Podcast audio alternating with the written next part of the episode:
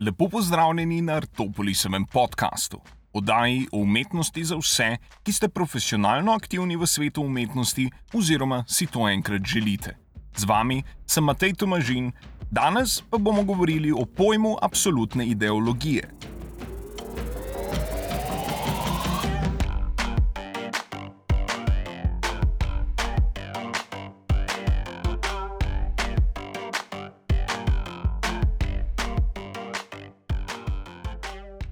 Tem delu predstavljamo pojav, podoben tistemu, ki ga Vinikot opisuje s pojmom tranzicijskega fenomena in o katerem smo že spregovorili v tej seriji razmišljanj. Sedaj bomo prikazali celotno razsežnost pojava v kontekstu umetniškega dela.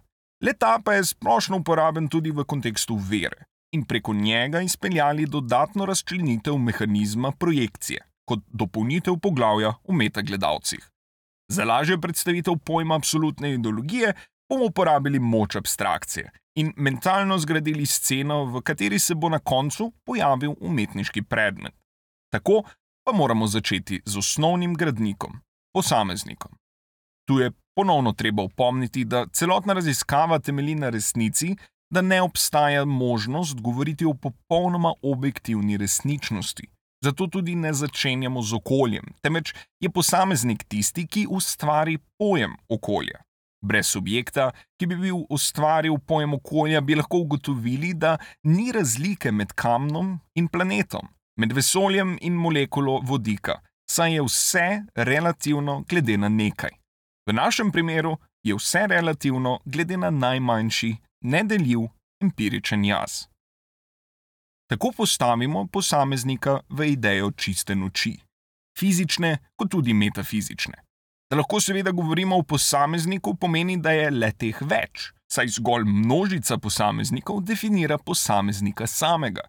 V nasprotnem primeru bi v našem abstraktno zgrajenem prostoru našli Boga in ne subjekt. Posameznik je tako definiran strani vseh drugih posameznikov kot ne oni, oziroma kot jaz. V prostoru sedaj ustvarimo skupno semantično dimenzijo, ki je drugače rečeno metaprostor, v katerem lahko vsi posamezniki med sabo komunicirajo. Leta pa mora seveda biti enakovredno dosegljiv vsem subjektom v naši abstrakciji, drugače seveda ne bi bilo mogoče predstaviti funkcije, ki izhaja iz letega - komunikacijo. Ta pa terja standardizacije imenovalcev za pogosto soočene pojave. Osnovni gradnik te dimenzije tako postane pojem, ki je predstavljen kot funkcionalna klasifikacija fiktivne omejitve doumevanja v kontekstu projekcije subjektovega jaza na njegove interpretacije senzoričnih projekcij čutno zaznavnih lastnosti lastnega okolja. Fiktivna zgolj kot opozorilo, da je njegova omejitev dojemanja fluidna, saj se v vsakem trenutku subjektovega obstoja njegova percepcija lahko ostri in prehaja v više stanje razumevanja. Prav tako pa lahko podleže lažni konceptualizaciji svojega okolja in samega sebe, o čemer smo govorili v poglavju metagledalcev v obliki spoznanj kaosa in reda. Primer je čudovito prikazan v kadru iz filma Wittgenstein režiserja Dereka Germana, kjer Wittgenstein, ki ga igra Karl Johansson, v pogovoru s študentom med enim izmed predavanj izreče svojo slavnostno izjavo: Meje mojega jezika so meje mojega sveta. Študentu, ki do dobra ne razume te prispodobe, le to razloži na primeru heliocentričnega sistema našega osončja. Študenta tako postavi pred vprašanje, ali se Zemlja vrti okoli Sonca ali obratno, na katerega študent seveda pravilno odgovori in svojo ugotovitev podpre z opažanjem, da lahko to vidimo v prehajanju dneva v noč. A Wittgenstein ga sooči z jedrom svojega stavka o jeziku v obliki vprašanja, ali bi v nasprotnem primeru, da se Sonce vrti okoli Zemlje, bila študentova percepcija kakorkoli drugačna. Nujno je razumevanje semantične dimenzije kot meta pojav. V smislu, da sama po sebi ne opisuje zgolj vseh posameznikom skupno dosegljivih semantičnih orodij, se pravi pojmov, drugo ime za le te je urodje jezika, temveč totalnost vseh obstoječih in potencialno obstoječih konceptov, pogojno tudi nemogoče obstoječih.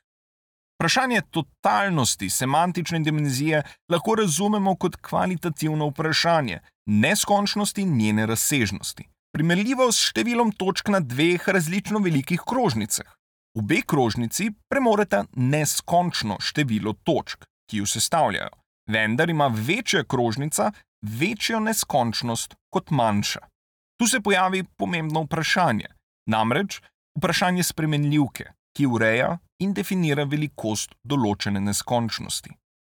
V primeru krožnic je to njun primer, pri semantični dimenziji pa je težava v odločitvi. Upoštevati zgolj vse možne koncepte, ki lahko obstajajo, ali poleg njih upoštevati tudi še vse nemogoče koncepte. Le to težavo pa je potrebno definirati preko odločitve o obstoju neobstoječih konceptov. Tu se zakoni lingvistične obravnave simulacije podrejo v obliki paradoksa, saj pojem možnega pojma potrebuje antipojem, ki ga definira, nemožen pojem.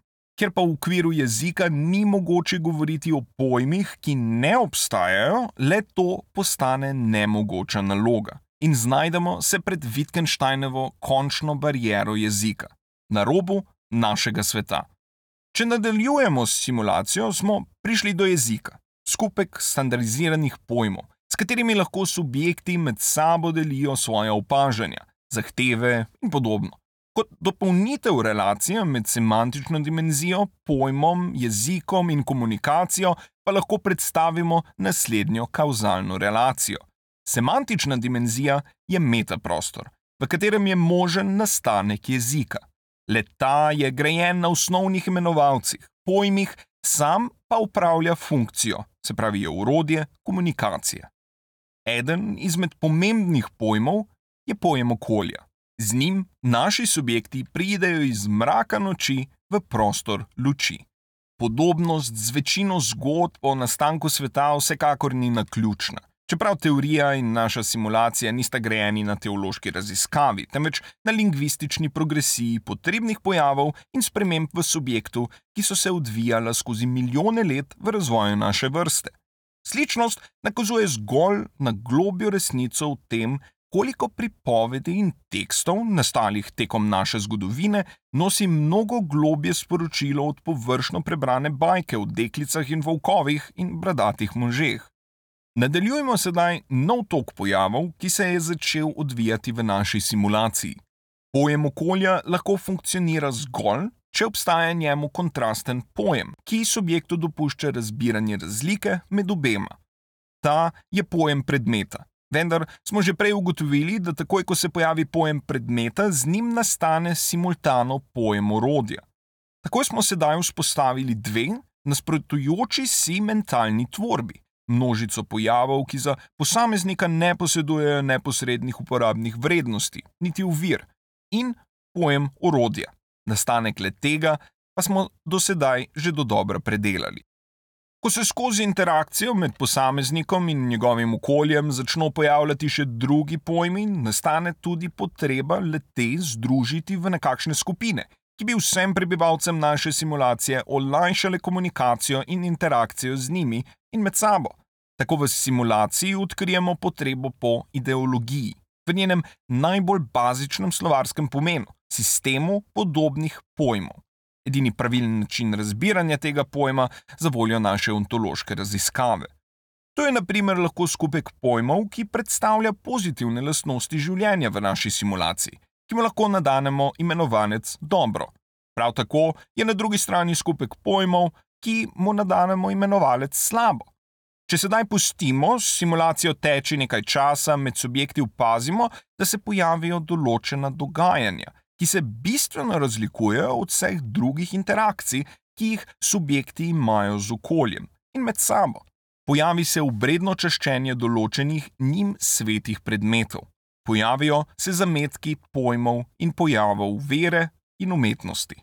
Ko si ogledamo, kaj se je spremenilo v interakciji med subjekti in do njihovega okolja, seveda opazimo določene njim pomembne predmete in statusno pomembne posameznike, ki le te uporabljajo na posebne načine.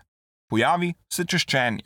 Vzpostavili so namreč protokole za razbiranje teh posebnih objektov in subjektov. ki jih smejo rokovati zgolj pod določenimi pogoji in na zelo specifične načine, kot tudi protokole, kako z njimi upravljati.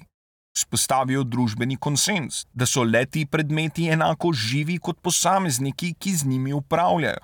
Čeprav imamo naprimer dve različni, a formalno podobni kamniti gmoti, so subjekti v naši simulaciji eno začeli čestiti, drugo pa pustili pri miru. Tako češčena kamena gmota tekom razvoja njihovih obredov doživi rojstvo. Subjekti jo hranijo in oskrbujejo v rednih, natančno določenih intervalih. S pomočjo nje praznujejo svoje obrede in na koncu gmota, neživega kamenja, celo umre in subjekti jo obredno pokopljajo. Sedaj se moramo vprašati, kaj točno se je zgodilo in kako je prav ta kamena gmota postala statusno tako mnogo bolj pomembna, do točke, da je za nje zaživela in jih celo vodila skozi življenje, od recimo druge, še vedno mrtve gmote granita. Deloma smo to že obdelali v poglavju treh metagledalcev. Kamena gmota je postala dostopna drugoosebnemu gledalcu kolektivne zavesti, postala pa je tudi simbol tretjeosebnega gledalca, v tem primeru v obliki božanstva. Začela je obstajati enakovredno vsem ostalim subjektom.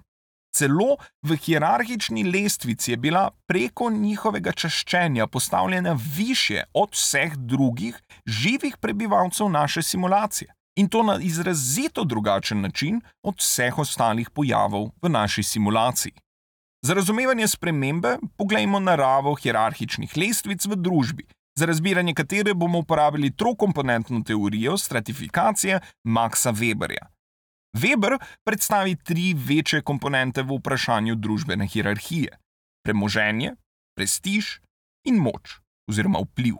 Ker pa za našo raziskavo prvi dve komponenti ne igrata pretirano pomembne vloge, vsaj v kontekstu vprašanja definicije umetnosti, si bomo podrobneje ogledali njegovo definicijo moči. Citiram: Splošno pod pojmom moč razumemo zmožnost osebe ali oseb, da svojo voljo realizirajo z dejanjem v kontekstu skupnosti, tudi v primeru upiran strani drugih, ki so soudeleženi v tem dejanju. Naša odločitev izpostaviti moč pa bazira na opažanju, da le to lahko razumemo drugače od premoženja ali prestiža. Status premoženja je vezan izključno na v določeni družbi pomembne materialne dobrine določenih posameznikov in v raziskavi metafizičnih lastnosti nekako ni aplikativen. Status prestiža, čeprav obstoječ v materialni sferi, kot tudi v metafizični sferi, deloma je vezan na premoženje in deloma na moč, prav zaradi te umestne pozicije ne odraža dovolj prečiščenih lastnosti, da bi ga lahko funkcionalno uporabili v naši raziskavi. Moč pa, kot opisano v Weberjevi izjavi, odraža aktivno zmožnost določenega subjekta. Biološko gledano, najpomembnejše urodje katerega koli temporalno končnega bitja. Najmočnejši upor sili entropije. Tako je moč tudi glavni dejavnik v prehajanju iz nižjih v više sfere hierarhične lestvice.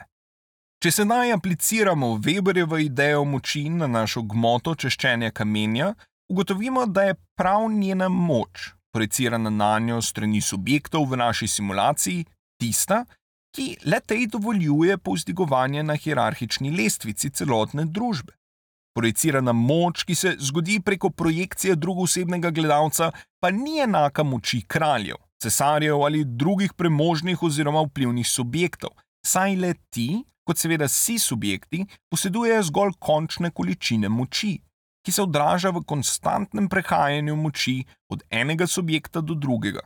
Naprimer, preko nasilnih ali subtilnih prevzemov kraljestev strani drugih subjektov. Projekcija moči, katere simbol postane gmota kamenja v obliki tretjosebnega gledalca, govori o totalnosti pojma moči. Seveda pa, ker zmožnosti konceptualizacije naših subjektov ne sežejo izven okov lastnega stanja, za dojemanje tako obširnega pojma potrebujejo simbol, ki v sebi spostavi vse obstoječe in še neobstoječe, vendar možne in logično povezane navezave na pojem, ki ga predstavlja. Razlog za to je jasen. subjekti v naši simulaciji podležejo nezmožnosti videti pojave, fizične in metafizične, kakršni resnično so. Tako simbol moči, gmota kamenja, izstopi iz katerekoli določene hierarhične lestvice moči v družbi subjektov in se povzdigne nad nje. To lahko primerjamo z nezmožnostjo umestitve ideje Boga v katerokoli čutno zaznavno hierarhično lestvico. Leta namreč zasede metaprostor nad hierarhije. Povsebitev mrtvega predmeta pa ga je spremenila v predmet transferja. Ponudila je zmožnost, da subjekti z njim stopijo v polje igre in boja, kjer, kot je razloženo v poglavju o treh metagledalcih, vsak eno nogo zasedijo v red, ki ga predstavlja njihovo dosedanjo razumevanje sveta, se pravi moči in njih samih, drugo pa v črno brezno kaosa, iz katerega je mogoče, če so seveda uspešni, iztrgati nova dognanja, ki v kontekstu zavedanja njihove lastne smrtnosti lajšajo neizmerno težo obstoja. Kamena gmota je postala portal do čistega reda in čistega kaosa. In v naši simulaciji se je začelo obdobje pojmov vere in posredno umetnosti. Sedaj pa je potrebno, da definiramo razlikovanje med pojmom vere in umetnosti. V našem primeru so subjekti popolnoma sledili svojemu osnovnemu stanju, podzavestni projekciji lastnega a priori na vse, še nerazumljene pojme in pojave svojega okolja. Lete, predvsem metafizične pojme, kot so moč, rodovitnost in podobno, so začeli projicirati na predmete, ki so zaradi svojih čutno zaznavnih lastnosti ponujali funkcionalne asociacije na te pojme. Pomislimo na pojave raznih totemov v kulturah Severne Amerike ali kipec Vilendorfske Venere. Kaj pa se zgodi, ko tudi subjekti v naši simulaciji s pomočjo orodja mišljenja, mogoče bolje metamišljenja, vzpostavijo ontološko raziskavo lastnega osnovnega stanja, s katero smo vse čas opisovali njihovo dojemanje pojavov v obliki orodij in lastnikov leteh.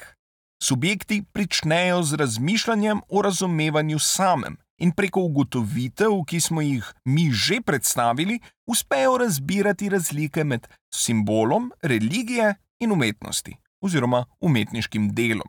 Pri obeh gre za popolnoma enak mehanizem, ki subjektom omogoča njihovo razbiranje. Oba predmeta sta obravnavana kot simbola v zavesti in podzavesti družbe, ki jih je ustvarila, sta prisotna v obliki tretjeosebnega gledalca. Oba komunicirata preko projekcije drugosebnega gledalca v vseh, tudi še neodkritih, možnih in zavirajočih funkcijah pojmov, ki jih predstavljata. Razlika med njima obstaja zgolj v metaprostoru prvoosebnega gledalca.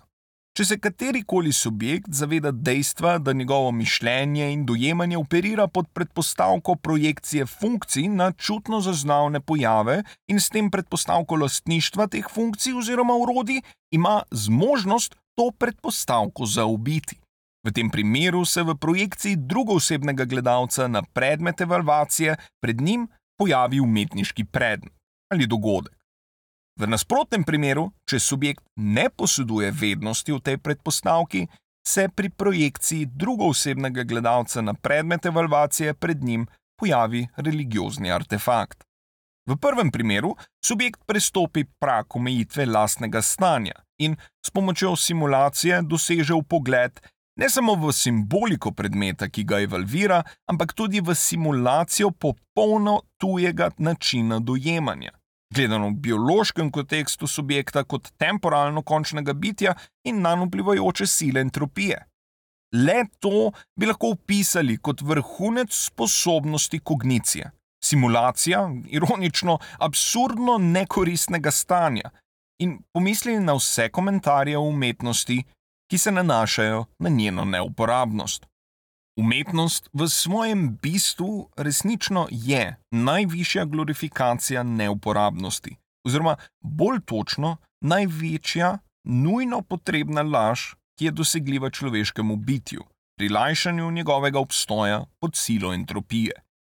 V drugem primeru, primeru verskega simbola, subjekti v svoji evalvaciji predmeta najdejo Boga, lastnika vseh funkcij, ki so izven dosega subjektovih zmožnosti uporabe. Pojem Boga pa je tako popolnoma kontrasten pojmu umetnosti, saj je njegova aplikativna vrednost popolnoma uporabne narave.